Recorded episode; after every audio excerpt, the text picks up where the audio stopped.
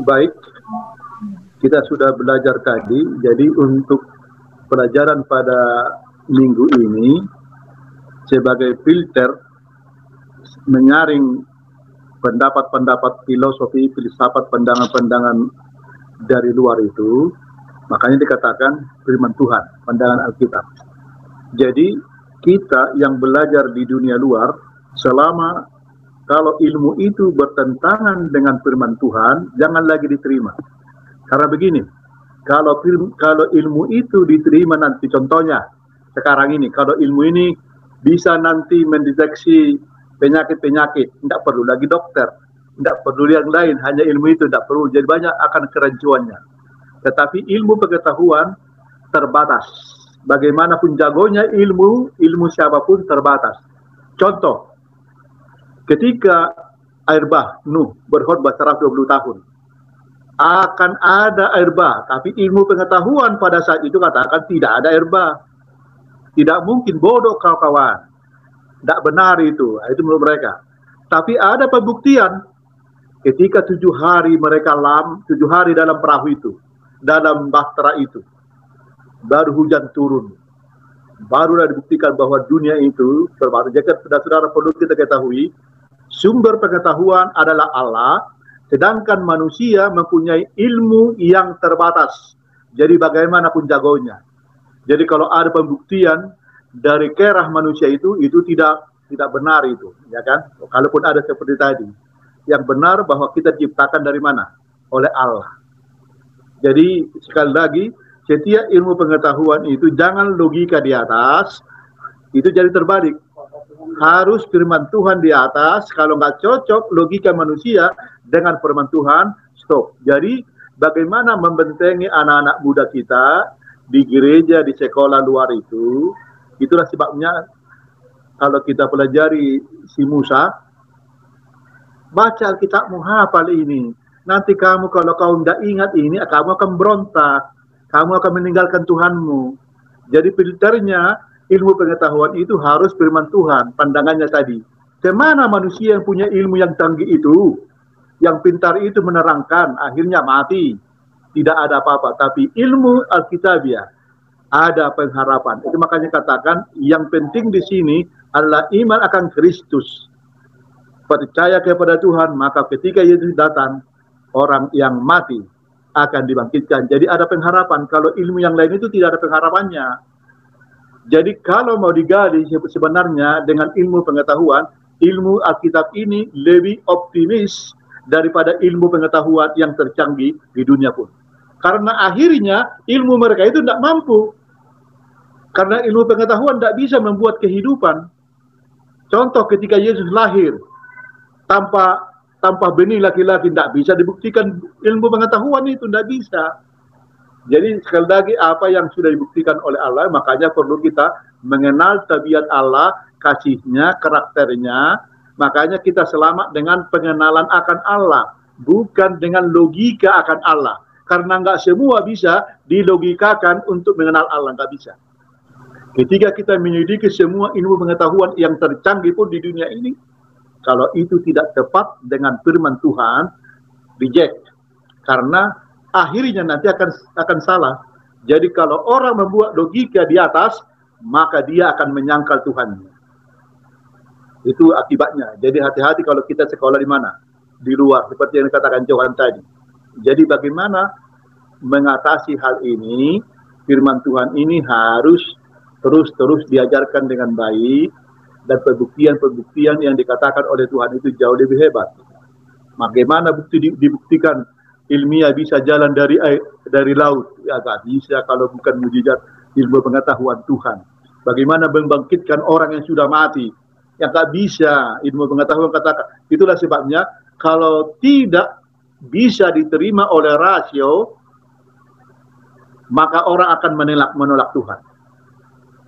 Atau kalau jika juga menerima rasio seperti tadi bisa dibuktikan, orang juga akan menolak siapa? Tuhan. Tidak perlu lagi Tuhan. Apa ke gereja saya lagi? Saya bisa kok atasi diri saya sendiri.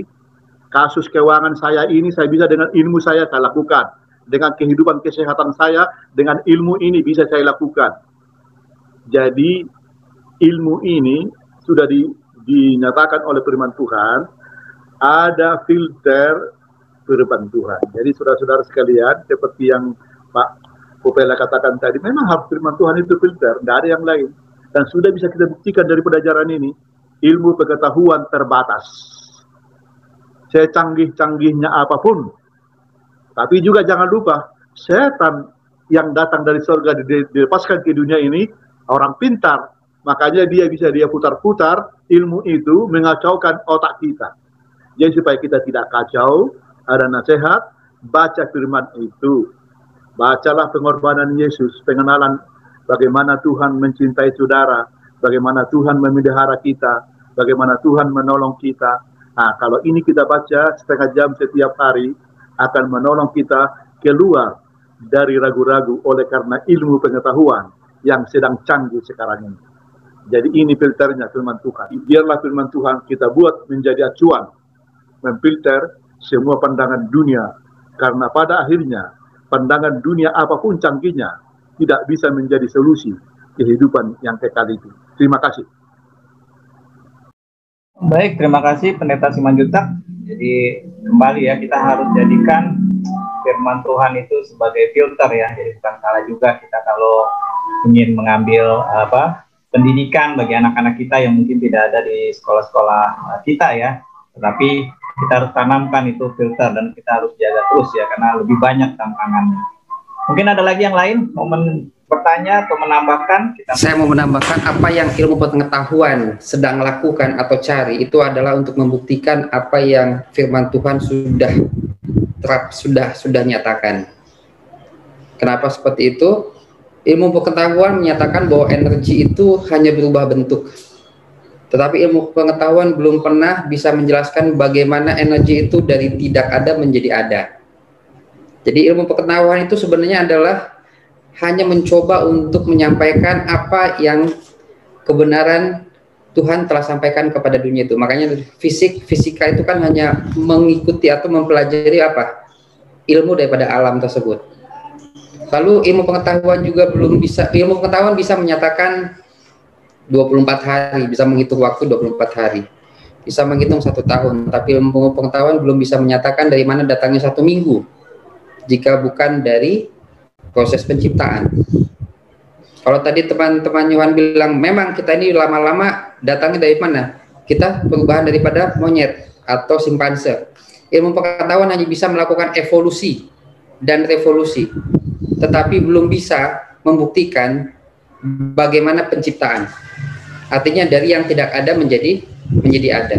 Jadi sebenarnya kalau kita lihat banyak memang filosofi filosofi yang muncul, tetapi kalau kita bandingkan atau kita contohnya kita challenge mereka lebih jauh, apakah filosofi kamu bisa menyatakan sesuatu yang berhubungan dengan kebenaran Alkitab? Mereka nggak akan pernah bisa. Mereka nggak akan pernah bisa. Karena apa? Sejarah dunia menyatakan bahwa banyak kejadian di dunia ini yang mendukung peristiwa-peristiwa Alkitabiah. Banyak sekali. Banyak sekali peristiwa air bah pun bisa didukung oleh sejarah dunia. Ya. Jadi kadang memang di dunia ini orang tidak mau melihat secara keseluruhan. Dia hanya mau bermain dengan pikirannya sendiri, dia menyatakan sesuatu. Makanya disebutkan ada tesisnya, tesis pikirannya seperti apa. Ada juga antitesis yang menentang hal tersebut. Tapi kalau kita lihat sejarah air bah bisa dibuktikan di dunia ini. Artinya apa? Cerita Alkitab ada, benar. Bagaimana bisa ada apa uh, di gunung? Ya kan? Disampaikan bagaimana bisa dikatakan halnya bahwa ada akar akar tanaman itu yang di gunung yang ditemukan padahal dia tuh harusnya ada tanaman tanaman di pantai. Itu semua tidak bisa dibuktikan oleh ilmu pengetahuan. Jadi sains sebenarnya sedang berjalan, bergulir untuk membuktikan satu pemikiran. Pemikiran apa? Pemikiran itu semua akan mengacu kepada kebesaran Tuhan yang sudah dinyatakan melalui kebenarannya. Nah, jadi kebanyakan yang terjadi adalah filsafat-filsafat tersebut karena permainan pikiran manusia itu sendiri yang tidak banyak didasari oleh oleh fakta-fakta yang ada, ya kan? itu yang harus kita apa itu yang harus kita uh, apa uh, apa uh, hadapi atau yang harus kita perhatikan tetapi yakinlah kenapa bahwa semua saintis bahkan dia akan mengakui kebesaran Tuhan. Tidak ada saintis setelah nanti dia sampai kepada ujungnya siapa uh, bahkan dikatakan yang men yang menyatakan bahwa manusia itu berasal dari monyet juga ujung-ujungnya dia mengakui kebesaran Tuhan bahwa Tuhan itu ada. Ya kan? Darwin, Charles Darwin, dia mengakui bahwa Tuhan itu ada. Jadi kalau kita masih masih ada yang masih mencoba begitu ya silahkan saja, ya kan. Tetapi apa? Kita yakin bahwa pengetahuan akan kebenaran yang sudah ada sama kita, itulah yang menjadi uh, satu pegangan yang tidak boleh kita lepaskan. Karena apa pun yang ada di dunia ini nanti semua akan kembali kepada kepada kebenaran tersebut. Terima kasih. Jadi walaupun Daniel menubuatkan dalam Daniel 12 ayat 4 bahwa pengetahuan semakin bertambah-tambah, tetapi tetap kita berpegang teguh bahwa hanya Alkitab sajalah, hanya firman Tuhan sajalah yang menjadi landasan pendidikan Kristen yang sejati. Bukan hanya sekedar filsafat kosong dalam arti buah ide pemikiran manusia yang terbatas. Karena itu diciptakan oleh manusia yang terbatas. Baik itu penelitian, teori-teori, ya. Tetapi kalau kita paralelkan kepada Alkitab, semuanya itu akan bertolak belakang. Tidak akan nyambung. Ya, segala pengetahuan dunia ini tidak akan apa?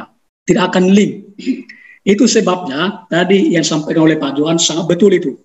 Bagaimana kita supaya membentengi orang-orang muda, yaitu back to the Bible. Kembali kepada Alkitab.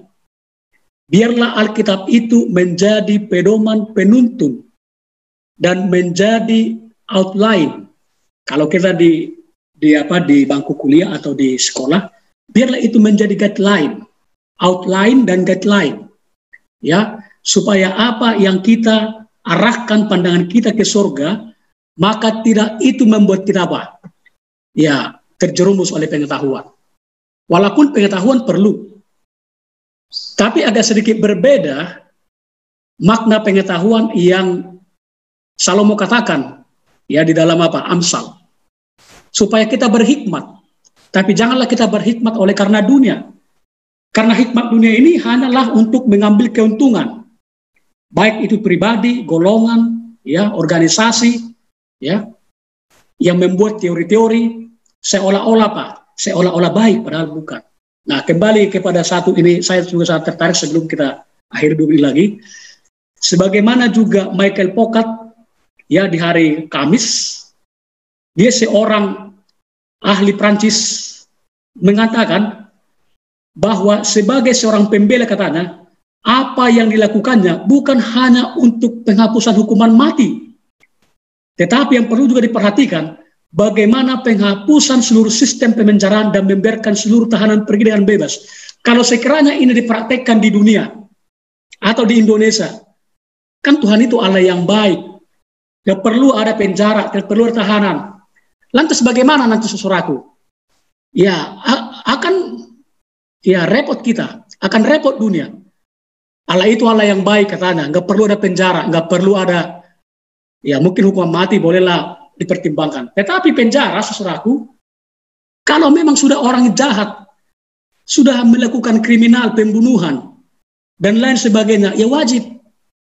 Apakah itu bertentangan dengan firman Tuhan? Tidak. Karena memang Tuhan juga memberikan kepada manusia suatu apa? Suatu hikmat bagaimana menata sebuah negara itu supaya negara itu aman dan baik. Dan tujuan daripada hukum itu, ya, saya juga kita pelajari hukum itu adalah untuk menuntun orang supaya mereka mengenal apa? Mengenal dosa, mengenal pelanggaran. Ya, karena dosa adalah pelanggaran terhadap apa? Hukum-hukum. Terutama hukum halal. Jadi saudaraku, saya pun tidak setuju dengan apa dikatakan oleh ahli Prancis ini. Kalau Allah itu Allah baik, nggak perlu ada apa? Ada penjara. Saudaraku bayangkan, kalau setiap hari ini terjadi, kita mengatakan demikian, saudaraku, orang akan semena-mena. Sedangkan ada aturan yang dibuat dan sesuai dengan apa? Kaidah-kaidah dalam Alkitab dilanggar juga. Jadi saudara dalam Tuhan ada-ada saja yang harus kita perhatikan. Ya kita harus bijak di dalam menelaah setiap pemikiran, filsafat ya. Itu filsafat pemikiran, ide-ide kreatif manusia supaya kita jangan ya menjadi lemah. Apalagi kalau kita lebih mengedepankan pemikiran-pemikiran manusia pengetahuan dibandingkan dengan apa? Alkitab. Jadi buatlah Alkitab ya sebagai buku pendidikan ya sebagai mata pelajaran yang akan terus menuntun kita. Karena hanya dengan inilah maka kita boleh apa? Boleh mendapatkan keselamatan bukan kepada ilmu pengetahuan. Karena ilmu pengetahuan hanyalah manusia yang, yang belaka, manusia yang apa? Yang panah menciptakan itu. Jadi biarlah Tuhan menolong kita yang terus supaya ini menjadi satu uh, pedoman petunjuk bagi kita bahwa pendidikan dan hukum Allah haruslah menjadi panglima di depan dalam hidup kita. Terima kasih Pak Bupela, pelajaran yang bagus.